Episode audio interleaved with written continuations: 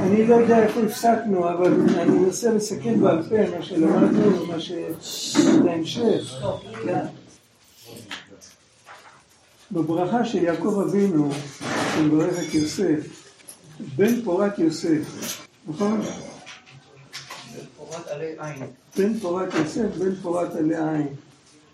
והם עררו ורובו ויסתמו בעלי חיצים, אבל בן פורת יוסף, במדרשי חז"ל, זה גם מתאים קצת עם הפשט, מה זה פורת?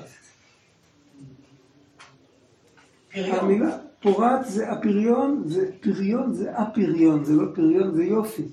זה איזשהו קישוט, איזשהו... זה גם קשור למילה תפארת. ולפי המדרש, המילה פורת זה מהמילים ההפוכות, כמו שיש כבש, כסב, אז יש פורת ויש תופר. זו מילה הפוכה, זאת אומרת, אפשר אה, להפריד ואפשר לחבר. ויוסף, העניין שלו, כמו השם, השם שלו יוסף. מה זה יוסף? זה תנועה של להוסיף על משהו קיים, לחבר לזה עוד משהו. יוסיף השם לי בן אחר, אז חכמים פירשו שהאחר יהפוך להיות בן. למרות שהוא עד עכשיו היה אחר, הוא לא התנהג כמו בן, שהתחבר חזרה, זה מין אה, הפניית המבט, מה שנקרא. שבן אדם עומד עם הגב אל האלוקים, והוא לא זוכר שהוא צריך להגיד תודה, והוא לא זוכר אותו בכלל, וכאילו, הוא גדל על איזה עץ. כן, כמו שילד אומר, אין דבר כזה אבא, המבוגרים המציאו את זה. אז אה, ברגע שהוא נופל לו האסימון שיש אבא, שצריך להגיד לו תודה, שצריך לשמוע בקולו, אז הוא חוזר להיות בן. אם יש אבא, אז הוא הבן. בעצם כל, ה, כל הנושא הזה, עכשיו יוסף, בעוד, עוד רגע נגיע, מה זה שייך למה שאנחנו לומדים עכשיו. יוסף, התואר שלו ב, במסורת, או, oh, תודה, קח את זה. יוסף, התואר שלו במסורת זה יוסף הצדיק. ככה זה מופיע בזוהר, ככה זה מופיע בסידורים, בפיוטים. בסליחות, בזכות יוסף אסיר צדיקיך. על המילה אסיר יש לפעמים סוגריים, יש, אבל יוסף צדיקיך. מה זה המושג הזה של צדיק? אז בזוהר הקדוש, צדיק זה התופר. זה התופר. על חנוך בבראשית, זוכרים את חנוך שעלה בסערה השמיימה, איננו כי לקח אותו אלוהים? אה, חז"ל מספרים לנו שהיה תופר נעליים, הוא היה סנדלר. ועל כל תפירה ותפירה היה מייחד ייחודים. מה המשמעות של זה? לתפור נעליים, או לתפור בגד, או לתפור... אה, לא מדבר על הסלנג, מה שזה נקרא לתפור, השם ישמו. אבל יש אה, המושג של לתפור, לחבר, יוסף צדיקיך, הצדיק, העניין שלו זה לחבר. וכל המהות של הצדיק. בזוהר הקדוש הצדיק זה מידת היסוד, ועל זה התיקוני זוהר אומר, ככל בשמיים ובארץ, זה מידת היסוד לך השם, הגדולה, הגבורה, התפארת, והנצח וההוד, ואחרי זה מגיע היסוד, אבל במקום היסוד כתוב בתנ"ך, בנחמיה, ככל בשמיים ובארץ. ככל בשמיים ובארץ, אומר תיקוני הזוהר, דאחיד בשמיא ובערה. מי שמחבר את השמיים ואת הארץ. זאת אומרת, התודעה האנושית, היות שהיא נבראה ביום השישי של הבריאה, והיא נבראה אחרי הרבה צמצומים, בתודעה שלנו אנחנו מפרידים, הגישה הבסיסית שלנו זה שהשמיים שמיים להשם והארץ נתן לבני אדם. ונתן לגמרי, פה אנחנו עושים מה שאנחנו רוצים, ושם הוא עושה מה שהוא רוצה. הוא לא חושב עלינו יותר מדי, ואנחנו לא חושבים עליו יותר מדי. והסוד של הצדיק זה לחבר את שני המישורים האלה. לעשות בדיוק את ההפך. איך כתוב על משה, אה, כתוב אה, שמשה מביא את העם אל תחתית ההר, וירד השם על הר סיני, ואל משה אמר עלה אל האלוהים. זאת אומרת שקורה פה בדיוק הפוך מאשר כאילו השמיים יורדים והארץ עולה. זה המהות של הצדיק. זה החיבור שהצדיק עושה. ומשה נתן לנו את התורה. משה קיבל תורה מסיני ומסרה ליהושע וככה זה הולך הלאה. התורה זה הצינור שבצד אחד הוא אינסופי לגמרי, חוכמתו של הבורא, וכל הנבראים שבעולם נבראים מהאנרגיות שיש בתורה, וכל ההיסטוריה הרמוזה בתורה זה הכל משהו אלוקי שמעבר להשגה שלנו. ומצד שני, הקטע התחתון של התורה היא כתובה באותיות, בדיו, על קלף, אפשר לנגוע בה, אפשר לתת לה נשיקה, אפשר לקרוא בה, ילד שיודע לקרוא בלי נקודות יכול לקרוא. לא צריך להיות בשביל זה חכם גדול. אז הסיפור הזה, הכוח לחבר את הכל, ניתן בתוך התורה. בתוך התורה יש מין סולם כזה, שלא רואים אותו, זה כמו, אפשר לפעמים לעשות בית בלי מדרגות, חשבתם על זה? עושים בית על עמודים, העמודים הם חלולים, בתוך העמודים יש מדרגות, אבל לא רואים אותם.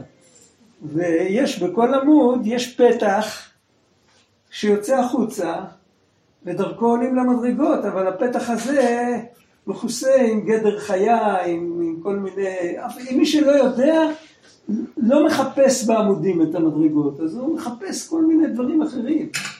אז היות שהוא לא מחפש את הדבר הזה עצמו, אז הוא לא מוצא. התורה זה בדיוק אותו דבר, ויש מושג, יש מושג בקבלה של עמוד שמחבר גן עדן תחתון וגן עדן עליון,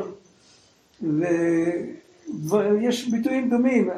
העמודים האלה זה או תורות או תפילות. זאת אומרת, או שהבן אדם מתפלל, ובתוך הטקסט של התפילה הוא דבר עלום, כאילו, כל משורר יכל לחבר את זה.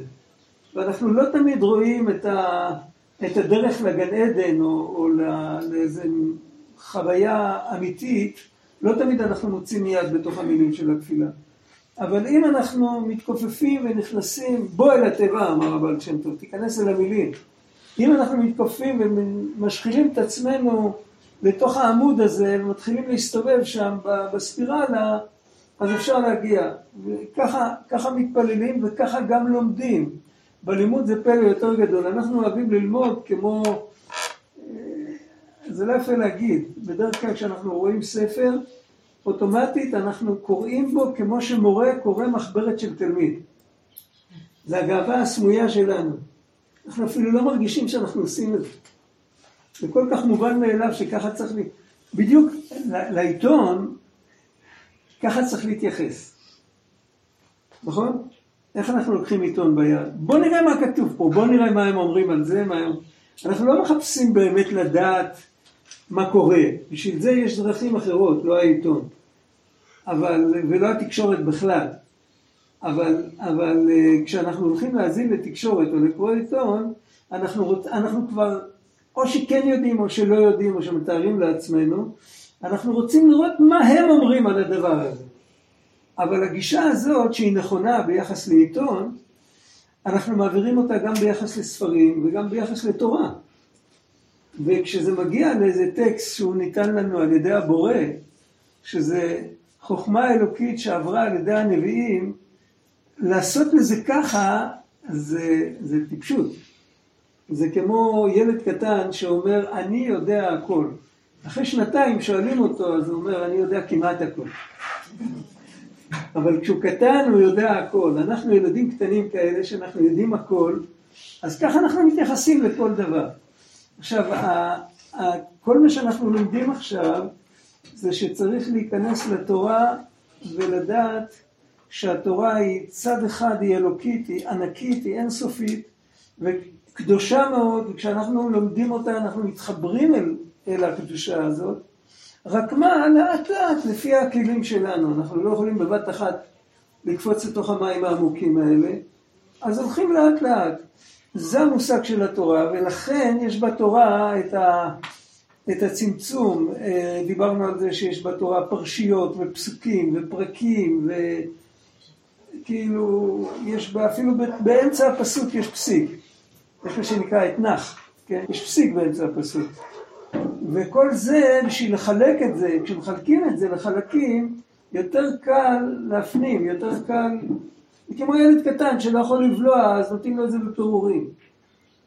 ככה, זה, זה העניין, זה הצמצום שיש בתורה, אבל זה לא דומה לצמצום של העולם. בצמצום של העולם עובר אלינו פחות קודש, ובצמצום של התורה עובר אותו קודש דרך פירור קטן. אותו פלא. זה מה שהוא דיבר, ולכן הוא אמר שכל האחדות שיש בין בני אדם, הרי למדנו בהתחלה שכל אחד הוא מלך על, על קבוצה, וכל אחד יש את הענפים שלו. יכול להיות שאנחנו ענפים צדדיים לגמרי, אז שנה הבאה יגיע עוד ענף צדדי, עוד יותר, כמו, ב, כמו בעץ, כמו באילן, הענף הכי צדדי, כשהוא יתעבה והוא יגדל, יגיע עוד ענף, ממנו יצא עוד ענף. כל ילד קטן יהיה פעם אבא, וכשהוא יגדל יותר הוא יהיה סבא. וכשהוא סבא רבא, אז כבר הנכדים והנינים שלו יהיו שבט שלם. וככה זה גם בנשמות, אפילו נשמה, אני מרגיש את עצמי כאילו זרוק קטן, אף אחד לא, קש... לא תלוי בי, יכול להיות, אבל אולי עוד שנה כבר יהיו תלויים בי, ועוד שנתיים. וכל פעם שאני עושה משהו, אני לא עושה בחלל ריק, אלא בא ממני, אני מדבר עכשיו על כל אחד, זאת אומרת, אני אומר ממני, אני מתכוון שכאילו אתה אומר ממני ואתה אומר ממני, כל אחד אומר ממני, כל אחד צריך להרגיש כאילו ממנו נובע משהו שעובר לעוד הרבה נשמות. אבל הקשר, למצוא את הקשר עם כל כך הרבה נשמות, אז זה לא ללכת לחפש אותם, לך תדע. איך אנחנו יכולים לדעת מי קשור אליך, מי קשור אלייך, מי קשור אליי, אף אחד לא יודע. אנחנו כולנו משפחות של נשמות, אבל אנחנו לא יודעים מי אחים, מי בני דודים, אנחנו לא יכולים לראות את זה. אבל כשלומדים תורה, אז באופן אוטומטי מתעורר האח שלי. יכול להיות שעכשיו בקצה השני של העולם. ובאופן אחר, אז גם הבן דוד שלי מתעורר. יכול להיות שאני לא מכיר אותו. אבל בצורה כזאת, ו- וכל כך למה? כי בתורה יש את שתי הקצוות. מצד אחד יש בה, היא נוגעת באחדות האלוקית. אז היא נוגעת במקום שכולנו אחד, ומשם זה יכול ללכת לעוד אנשים. ומצד שני, אני יכול להיתפס בה כי היא מחולקת לפרשיות או לפסוקים, ואם אני לא יכול ללמוד את כולה, אני לומד את מקצתה. איך, איך כתבו החב"דניקים? בין עיסוק לעיסוק, קרא עוד פסוק. זה, זה, זה, זה הקצה של החבל שכל אחד יכול להחזיק בו. עכשיו פה הפסקנו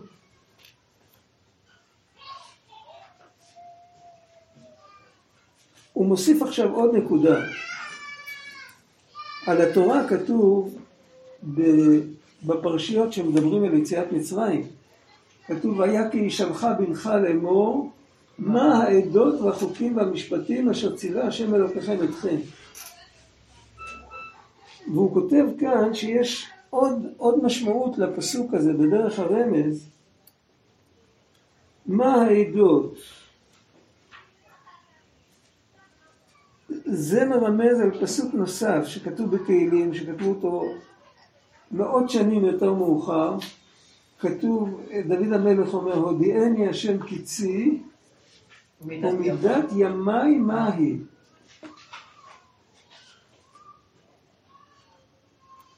יש איזה ניגון קורע לב מהצמח צדק. זה באמת פסוק קורע לב.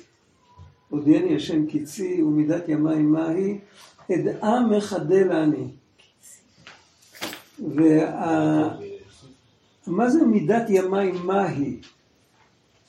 אז הוא אומר שהבקשה פה, רבנו אומר שהבקשה היא שהבן אדם מבקש שהוא ידע שכל החיים שלו באים מה, מהתורה.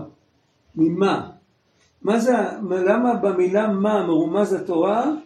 מה העדות והחוקים והמשפטים? עכשיו, מה, מה המשמעות של זה? מה, בגלל שפה כתוב מה ופה כתוב מה? אבל מאיפה, ממה נגזר המילה מה?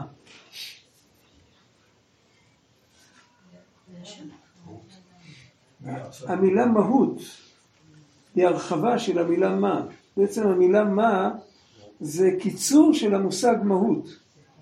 כשאני שואל על משהו מה, אני רוצה לדעת את המהות שלו. כשאני שואל כמה, אני רוצה לדעת את הכמות. כשאני שואל היכן, אני רוצה לדעת את המקום. כן?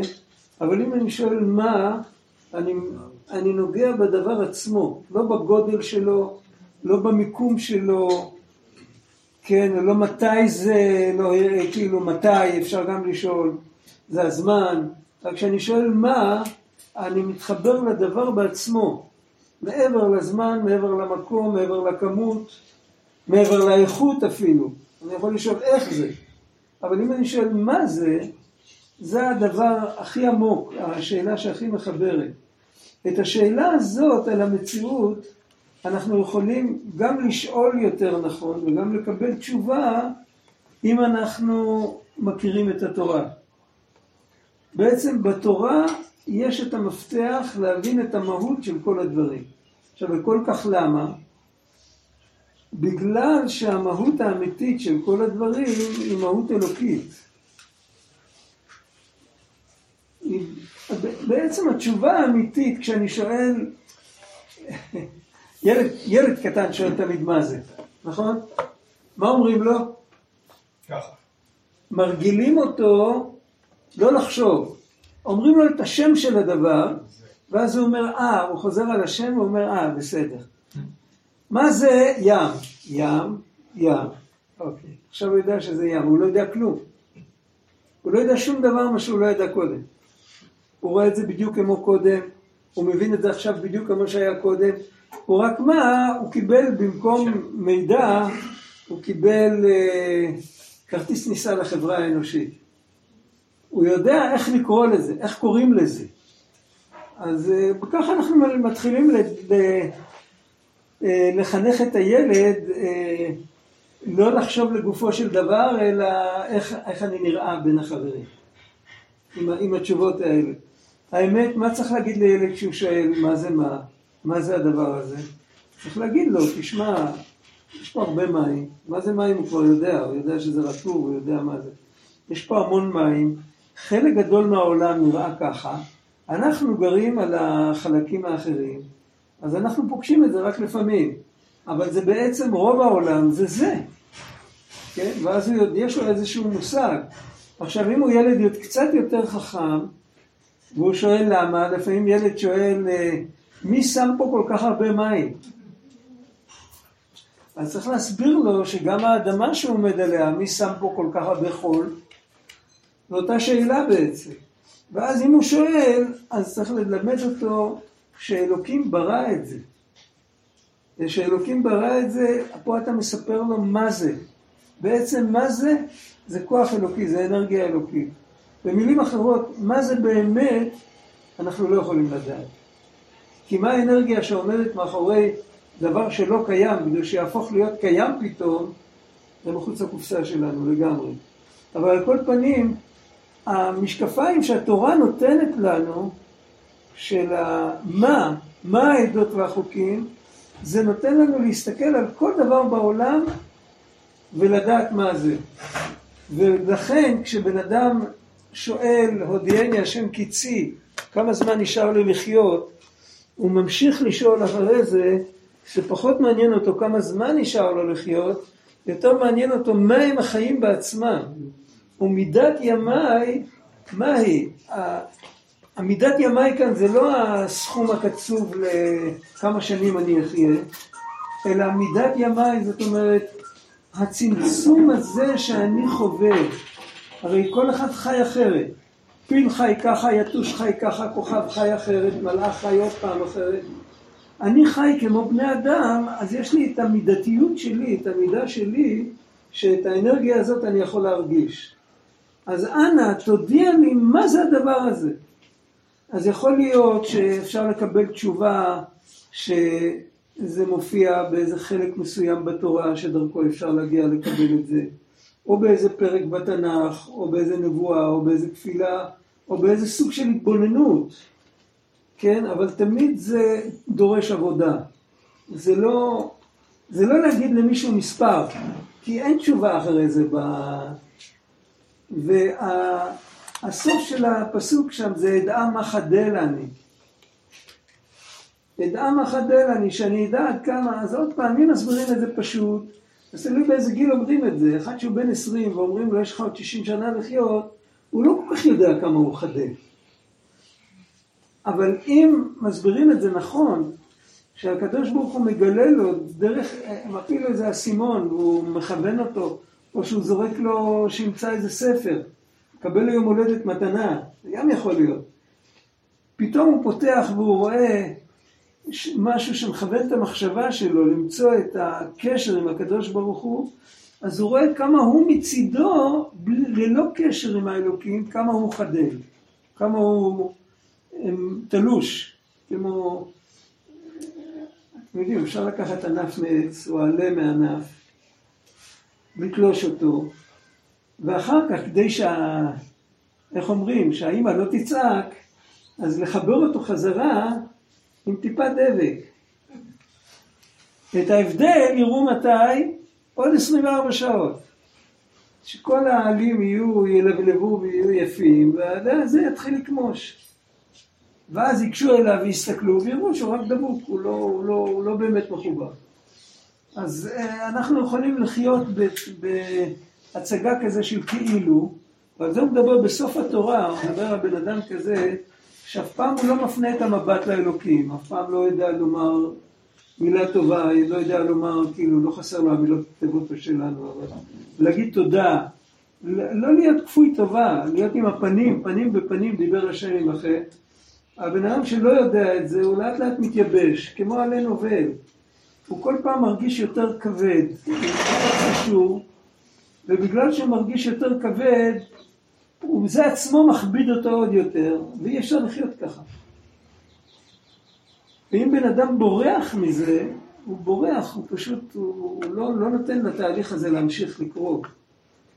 הוא בורח הצידה, והוא אומר, איך כתוב בתהילים, עודך השם כי ענפת בי. תודה השם שכעסת עליי. העיקר, העיקר שאני חי ואני מרגיש שכעסו עליי, אבל לכל הפחות אני חי. אני יכול להגיב. אני לא, אני לא קרש. אם אני מרגיש שכואב לי זה טוב, אני מרגיש, סימן שאני עוד חי, שאני עוד מגיב. אז אם הוא זה, בורח מזה, אז הוא יכול להתחיל לחיות, ואז הוא הופך את המעגל קסמים הזה למעגל קסמים חיובי. הוא מתחיל, אה, הוא מתחיל להגיד תודה, ואז הוא מקבל חיוך, ואז הוא חי עוד יותר טוב, ואז הוא אומר תודה יותר גדולה, וכל העסק מתהפך. והכל כלול בהודיעני השם קיצי. זה לא פסוק של דיכאון כמו שחושבים. הפשטות של הפסוק זה, זה מעורר דיכאון כזה, כאילו. אבל האמת שזה לא ככה. האמת שאם בן אדם לא רוצה לחשוב על הסוף שלו, אז להמשיך לפחד מהמוות הוא ממשיך. רק מה הוא מדחיק?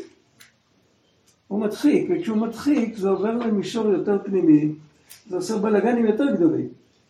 הדחקה לא פותרת בעיות. כולנו פוחדים מהיום של המוות. יש מי שחושב על זה, אה, מסתכל למוות בעיניים, איך בשיר, המוות מוריד את העיניים, ראשון. מכירים את השיר? אל המוות הישירו מבט, איך כתוב שם? והוא השפיל את עיניו. אחד שיודע כל יום, הוא יודע שיגיע יום שצריך למסור דין וחשבון, בסוף הוא אומר, בסדר, אני אפגוש את האלוקים, הוא שמח עם זה.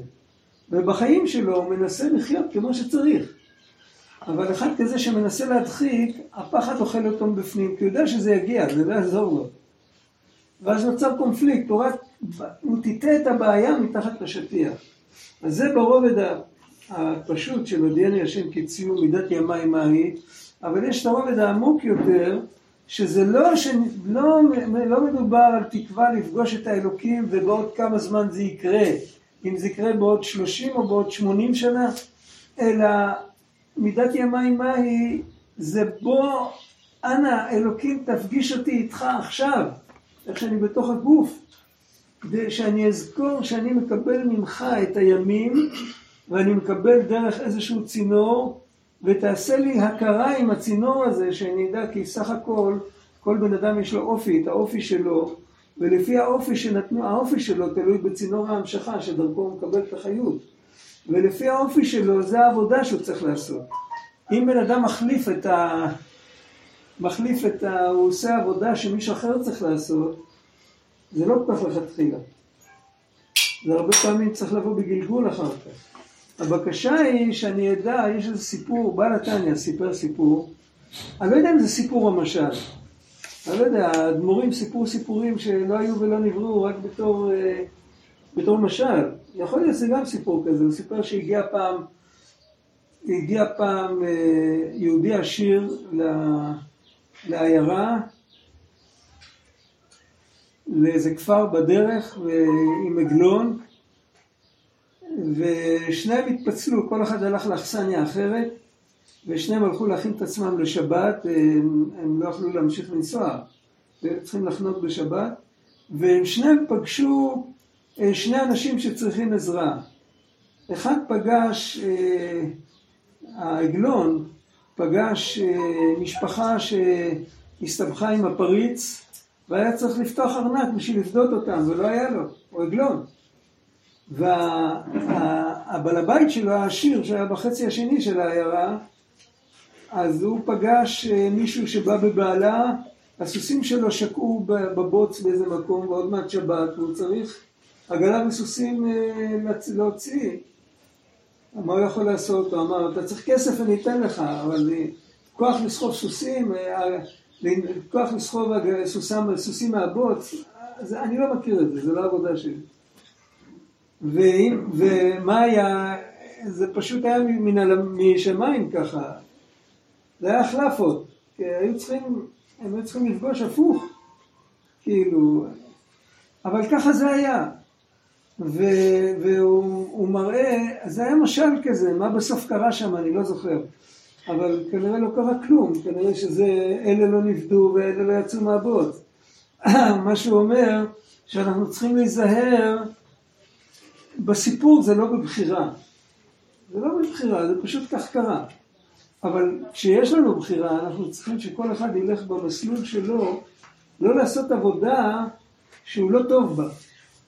כשבן אדם הוא לא טוב במשהו והוא מתעקש לעשות את זה, אז הוא עושה נזק, הוא לא עושה, הוא לא עושה, הוא לא, לא מביא תועלת.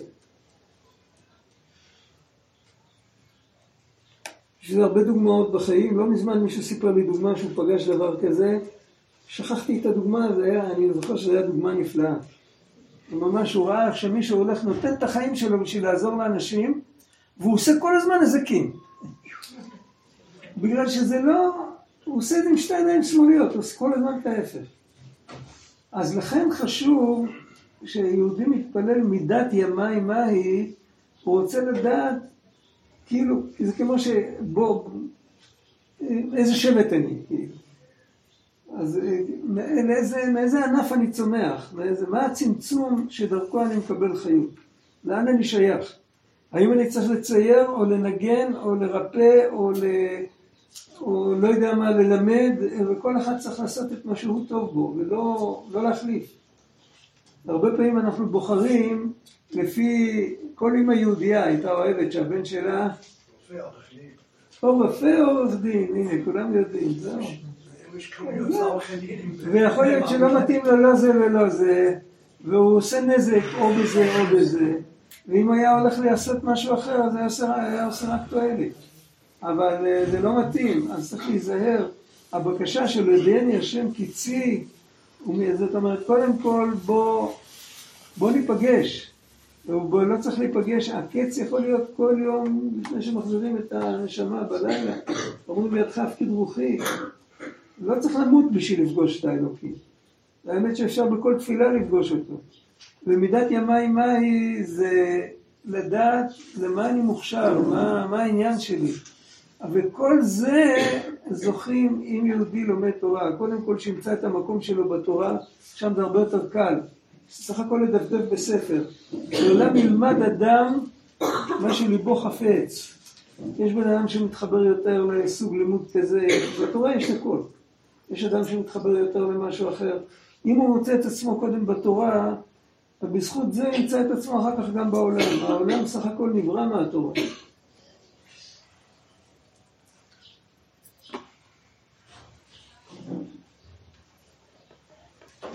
בעצם הרב גד זה הרבה הישגיות, לא? ההישגיות הוא... ההישג, דיברנו על זה פעמים קודמות, שהאנרגיה לא צריכה לבוא מההישגיות אלא מהתמימות, מהרגשת השליחות, אתה זוכר? לא משם צריך לקבל את האנרגיה. ההישגיות מספקת אנרגיה של קליפת נוגה. זו אנרגיה מזויפת, זה לא... זה אני ואפסי עוד.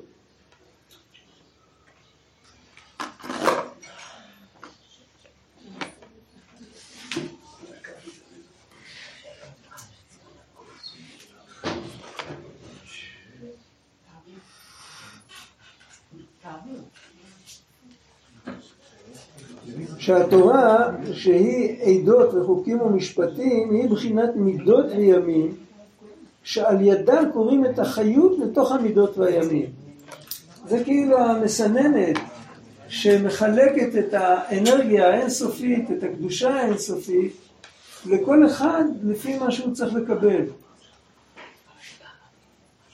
שבלא זה לא היה אפשר לקבל את החיות מחמת ריבוי אור. וזהו, זה מה שכתוב על המלך, וקרא בו כל ימי חייו, שעל ידי התורה קורא את החיות לתוך הימים והמידות כנזכר לעיל. ועל כן צריך לעסוק בתורה בפה דייקה, כי כשצריכים לקרות את אחד בשמו, צריך לקרותו בפה דייקה. ואי אפשר לקרותו בשמו במחשבה בעלמא.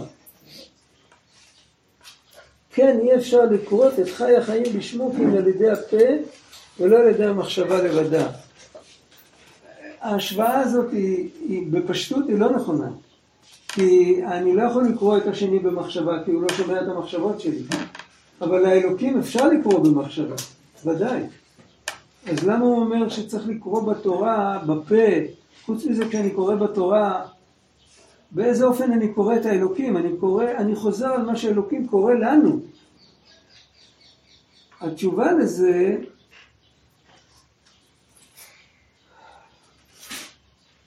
אמרנו בהתחלה כבר, דיברנו על יוסף שהוא פורט, ופורט זה אותיות תופר, ודיברנו על חנוך שהיה תופר מנהלים. מה ההבדל בין בן אדם שתופר רק בגדים למי שתופר נעליים גם כן? ההבדל הוא שהבן אדם שתופר בגדים הוא דואג שלא יהיה לנו חם, שלא יהיה לנו קר. שלא יהיה לנו חם מדי, שלא נסרב בשמש. האדם שתופר נעליים, הוא דואג שנוכל להתקדם. הוא נותן לנו את האפשרות להתקדם. את. הוא דואג לחבר את החלק הנמוך ביותר שלנו לפוטנציאל ש... שיכול להתגלות בו. אנחנו עם התורה אמורים לחבר את כל העולמות, אבל במחשבה שלנו זה ייעצר. אז את עולם המחשבה אנחנו נחבר אל הקודש. מה יהיה עם עולם הדיבור, מה יהיה עם עולם המעשה? הם יישארו, כן, כאילו זה, הלבשת את הבן אדם בגדי מלכות, אבל הוא יחף. אין, אין לו, אין לו... ואז המציאות התחתונה לא משתתפת בתוך העניין הזה.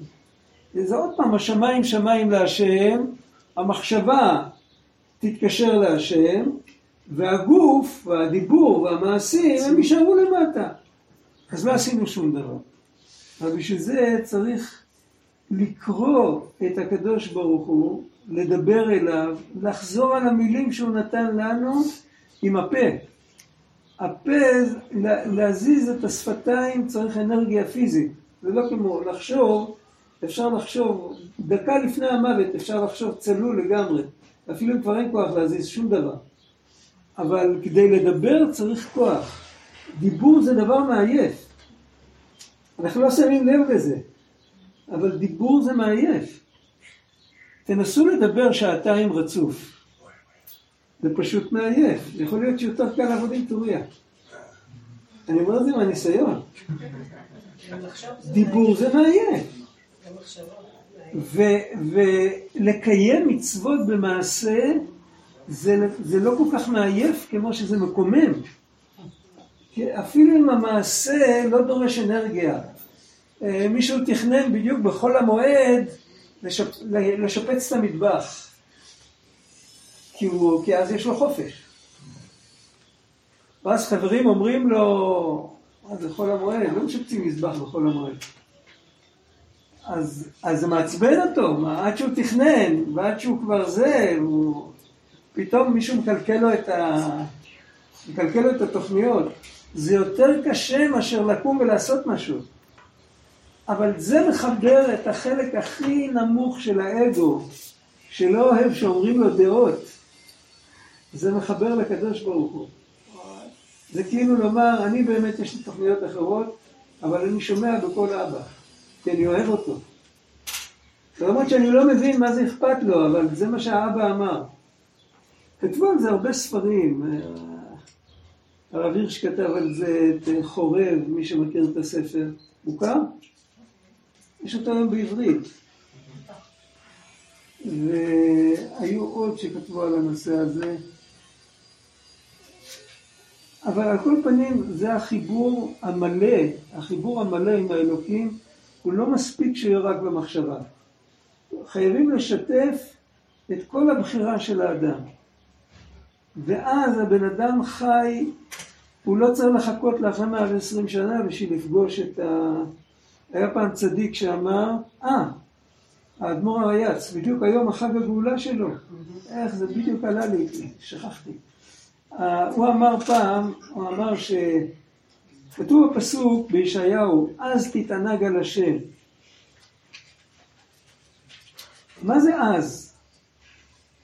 מתי זה? מה כתוב בתחילת הפסוק? אתם זוכרים? אומרים זה בקידוש של שבת. אם תשיב משבת רגליך, עשות חפציך ביום קודשי, וקראת לשבת לעונג, לקדוש השם מכובד, וכיבדתו מעשות דרכיך, למצוא חפצך ודבר דבר, ואכלתיך על במותי, איך כתוב שם? והרכבתיך על במותי הארץ, כתוב אז תתענג על השם והרכבתיך על במותי הארץ. אז מה זה אז הזה? זה לא אחרי שמתים, זה בשבת. אם אתה שומר שבת בתכלית, אז אתה תרגיש בשבת חיבור לקדוש ברוך הוא. אז הוא אמר, יש כאלה שדוחים את הלהתענג על השם לאחרי 120 שנה. ככה אמר הרייץ מחב"ד. הוא אמר, יש כאלה שדוחים להתענג על השם אחרי 120 שנה. אבל הוא אמר, זה, זה מה שחז"ל אמרו, חסיד שותה. מצד אחד הוא חסיד בגלל שהוא שואף להתענג על השם. מצד שני הוא שותה כי הוא יכול להתענג על השם עכשיו, אז למה לדחות את זה לכל כך הרבה שנים לאחר כך? זה שטות. אפשר להתענג על השם לא רק בשבת, כל רגע. מה המשמעות של להתענג על השם? זה ההודיעני השם קיצי ומידת ימיים מהי, זה תודיע לי שעכשיו הקץ שלי, עכשיו אני מחובר אליך. כל יום ויום זה פתח, יום זה אור. יום זה פתח להרגיש את הנוכחות האלוקית. עכשיו, המושג הזה, להרגיש את הנוכחות של השם, בדרך כלל בפעם הראשונה זה מגיע עם יראה גדולה. אבל זה לא יראה של דיכאון, זה יראה של רגש, של שמחה, של פלא. תחושת הפלא מגיעה. בן אדם פתאום אומר, וואי, אני עכשיו עומד פנים אל פנים מול האלוקים בעצמו. ופותח לו איזה פתח מאוד מאוד עמוק. זה ההודיעני השם קיצי ומדת ימי מאי. יראת הרוממות. זה סוג כזה, כן. אבל, אבל עוד פעם, קשה מאוד להיכנס לדבר הזה אם אין את הבסיס הפשוט הזה של לפתוח את התורה ולקרוא את הפסוקים שכתובים שם. פשוט פשוט, כי, כי אם אנחנו לא מקשיבים למה שאלוקים מדבר אלינו, הוא נותן לנו בצמצום שלנו, בשפה שלנו, איך אנחנו יכולים לנסות להרגיש את הנוכחות שלו, שאותה הוא מעלים מאיתנו. אם אנחנו רוצים, אנחנו קודם כל צריכים לקבל, כמו שאומרים, אני לא רוצה לשמוע מה שאתה מדבר, אבל תגלה לי את כל הסודות שלך. זה לא עובד ככה. אם אתה מקשיב, ואתה מקשיב, אז לפעמים אומרים לך גם משהו שלא אומרים למישהו אחר. אבל אם אתה לא מקשיב, אז אין עם מי לדבר. זה המציאות. וזה מידה כנגד מידה. אה. אה. כתוב פה שאי אפשר לקרות את חי החיים בשמו כי אם על ידי הפה. אה? איך קוראים את חי החיים בשמו? על ידי הפה. אה, בשמו, זה, דיברנו פעם קודמת, אולי לפני פעמיים, שיש ארבע דרגות בשמות של השם. פעם אחת זה שם הוויה, פעם שנייה זה כל יתר השמות, זה הדרגה הנמוכה יותר, הדרגה היותר נמוכה זה הכינויים, כמו רחום וחנון, והדרגה הרביעית זה כל המילים של התורה. אז בשלוש דרגות אנחנו יכולים לבטא אותה, אותם עם הפה. הדרגה הרביעית היא סגורה מאיתנו בזמן הזה, כרגע. אבל יש לנו עוד שלוש וריאציות, זאת אומרת אפשר לנגן את אותו ניגון באוקטבה יותר נמוכה. זה סך הכל אותו ניגון. אפשר לשאול שאלה? כשהרב אומר התורה, למה, למה אתה מתכוון? לא שמעתי? כשאתה אומר התורה, כן. נכון? בתורה ובתורה אפשר למצוא, למה אתה מתכוון? לחמישה, אני לא יודעת, שאלה באמת תם, לחמישה חומשי תורה, תורה, בתורה, בתוך, בתוך התנ"ך יש את הכל. זה קודם כל. אז לתנ"ך. רק, אז, אז, אבל לא תמיד רואים בתנ"ך את הכל. אז בשביל זה צריך להתחיל לחפש את הספרות, הספרות שמפרשת אותו. אז יש, יש כמה דברים, ויש כאלה שפירשו את התנ"ך אה, לפי כישרון ספרותי, לפי כל מיני דברים כאלה, לפי השוואה לשפות אחרות, מכירה? יש כאלה, אבל זה לא תמיד נכון. יש את הפרשנים הקלאסיים, כמו הרמב"ן, האבן עזרא, רש"י וזה, שהם צמודים למסורת של חז"ל. ושם יש את הכל, רק לפעמים צריך הרחבה ועוד הרחבה ועוד הרחבה. זה ההתחלה. זה ההתחלה. בימינו היה, הזכרתי אותו לפני רגע, את הרב הירש, שהוא, בעצם הוא אומר את מה שהם אומרים, רק אה, יש לנו מזל. זאת אומרת, הוא, הוא הוא לא כתב את זה, הוא הכתיב את זה. ובאו בנות שלמדו באוניברסיטה, באוניברסיטה אז התחילה התקופה של ביקורת המקרא. זה התחיל בגרמניה. זה היה ביקורת קטלנית. הם גם עשו השוואה עם ארכיאולוגיה, ובארכיאולוגיה כבר דיברנו מזמן שהיה להם טעות של 600 שנה. הקיצר, זה היה משהו זוועתי, והבנות האלה היו בנות, הבנות היהודיות, לא כולן. הבנות היהודיות היו באות פעם בשבוע אל הרב הירש, והוא היה, הוא היה קורא איתם את החומש. הוא דיבר איתם בגרמנית. הם לא יודעים מילה עברית, והם רשמו את מה שהוא לימד איתם, ואחר כך הם הביאו לו את המחברות שלהם, ומתוך זה הוא נתן להדפיס, הוא עבר את זה, הוא תיקן את זה, מתוך זה הוא הדפיס את הפירוש שלו על התורה. עכשיו, היות שזה היה בגרמנית כל השנים, רק לפני איזה 50 שנה בערך תרגמו את זה לעברית, אז זה תורגם לעברית של ימינו. מעלה גדולה. ואת קוראת בזה לפעמים? כן. זה משהו נפלא. אז איך בשביל בן אדם בימינו, זה משהו נפלא. זה כאילו, הוא- באמת נותן את כל התורה כולה בתוך הפסוקים. פלא. פלא, יכולת איך מתוך הגרמנית הוא חדר לה... לעומק של העברית, הוא, זה לא יאומן. אין באקדמיה ללשון וכל האלה, אין אף אחד שיודע עברית כמוהו. אבל הוא כן היה דובר עברית, זה לא, הם לא היו דוברי עברית. הוא, אצלו עברית הייתה כמעט שפת אם, הוא גדל כל הזמן בתלמודי תורה ובישיבות ובזה. הוא לא היה, הם היו מנוכרים, הם- הוא קירב אותם, הוא, הוא, הוא, בא מתוך, אה, הוא בא מתוך היהדות. הנכד שלו... יהודים כל הזמן חיו את העברית. הנכד שלו... הנכד שלו התנצר. לא, לא שלו. שלו. לא, מה פתאום. הנכד של משה דסו התנצל, הוא גם כתב ביאור. את החלפת אותה. לא, אה. תשאלי, יש לו, יש לו פה נכד בעין כרם. תשאלי אם זה נכון. תשאלי את יואב, הוא מכיר אותו. לא, זה, זה ערבוב, זה... אני- אני אבדוק את זה. לא... אני קיבלתי בסדר. יש פירוש. אבל זה לא משנה, בסדר, ואם כן, אז מה? לא משנה. ואם כן, אז מה? לא סתם, זה מדהים. עצמך.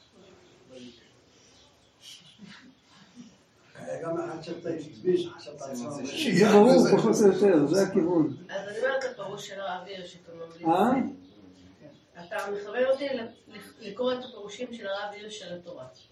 אני מכוון אותך, כן. לא. כן, 250 שקל פלוס מינוס. שבוע הספר, כשהחודש הספר. לא, תביאי הנחה. אבל תלכי אתה- תלכי לפלדהיים. במלכי ישראל 17, יש להם חנות ענקית חדשה. את יכולה לקבל שם הנחה ענקית על הדבר הזה. הם הדפיסו את זה. בעיקרם מפרשים, אבל מעניין שאתה מכוון לרב. כדאי, כדאי. יש את זה גם מאוד. בבית כנסת פה, מי שרוצה את זה. אני לא אומר שזה הספר היחיד שצריך לקרוא, אבל מי שרוצה לקבל מושג אה, בפשטות, להתחיל להכיר, חבל שהוא לא כתב על כל התנ"ך, זה נזק שלנו. עכשיו משם הוא כבר יכוון אותך הלאה. אחרי שתקראי אותו תקראי עוד הרבה ספרים. קראתי ספרים קצת. כן. אוקיי. זה שאמרו חכמינו זיכרונם לברכה כי חיים הם למוצאיהם למוציאיהם בפה. לומדים תורה צריך ללמוד בפה. אלא אם כן אי אפשר בגלל סיבה מסוימת. אבל ללמוד תורה, זה האדם המודרני לא רגיל לקרוא טקסטים עם הפה.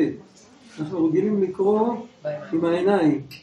אבל תורה צריך לקרוא עם הפה, זה לוקח קצת יותר זמן, אבל אחרי שמתרגלים לזה רואים את התועלת שזה מביא. זה נכנס יותר במקום אחר בלב, במקום אחר בנפש. למוציאיהם בפה דייקה, זה החיים, שעל ידי זה זוכה לחיים, כנזכר לעיל, כי על ידי עסק התורה ממשיכים אריכות ימים, ואז זוכה לדעת.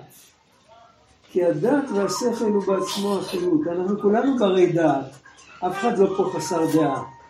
יש לכולנו דעת, אבל דעת של קדושה זה סוג של חיבור עם הקודש שחסר לנו אותו. אנחנו מתחברים ל... לאיפה שהאגו שלנו מרוויח מזה משהו, אני לא מדבר על אגו רע, אבל איפה שהפרטיות שלנו, בוא, בוא נגיד ככה. אם הפרטיות שלי מרוויחה מזה משהו, אז אני מיד מתחבר.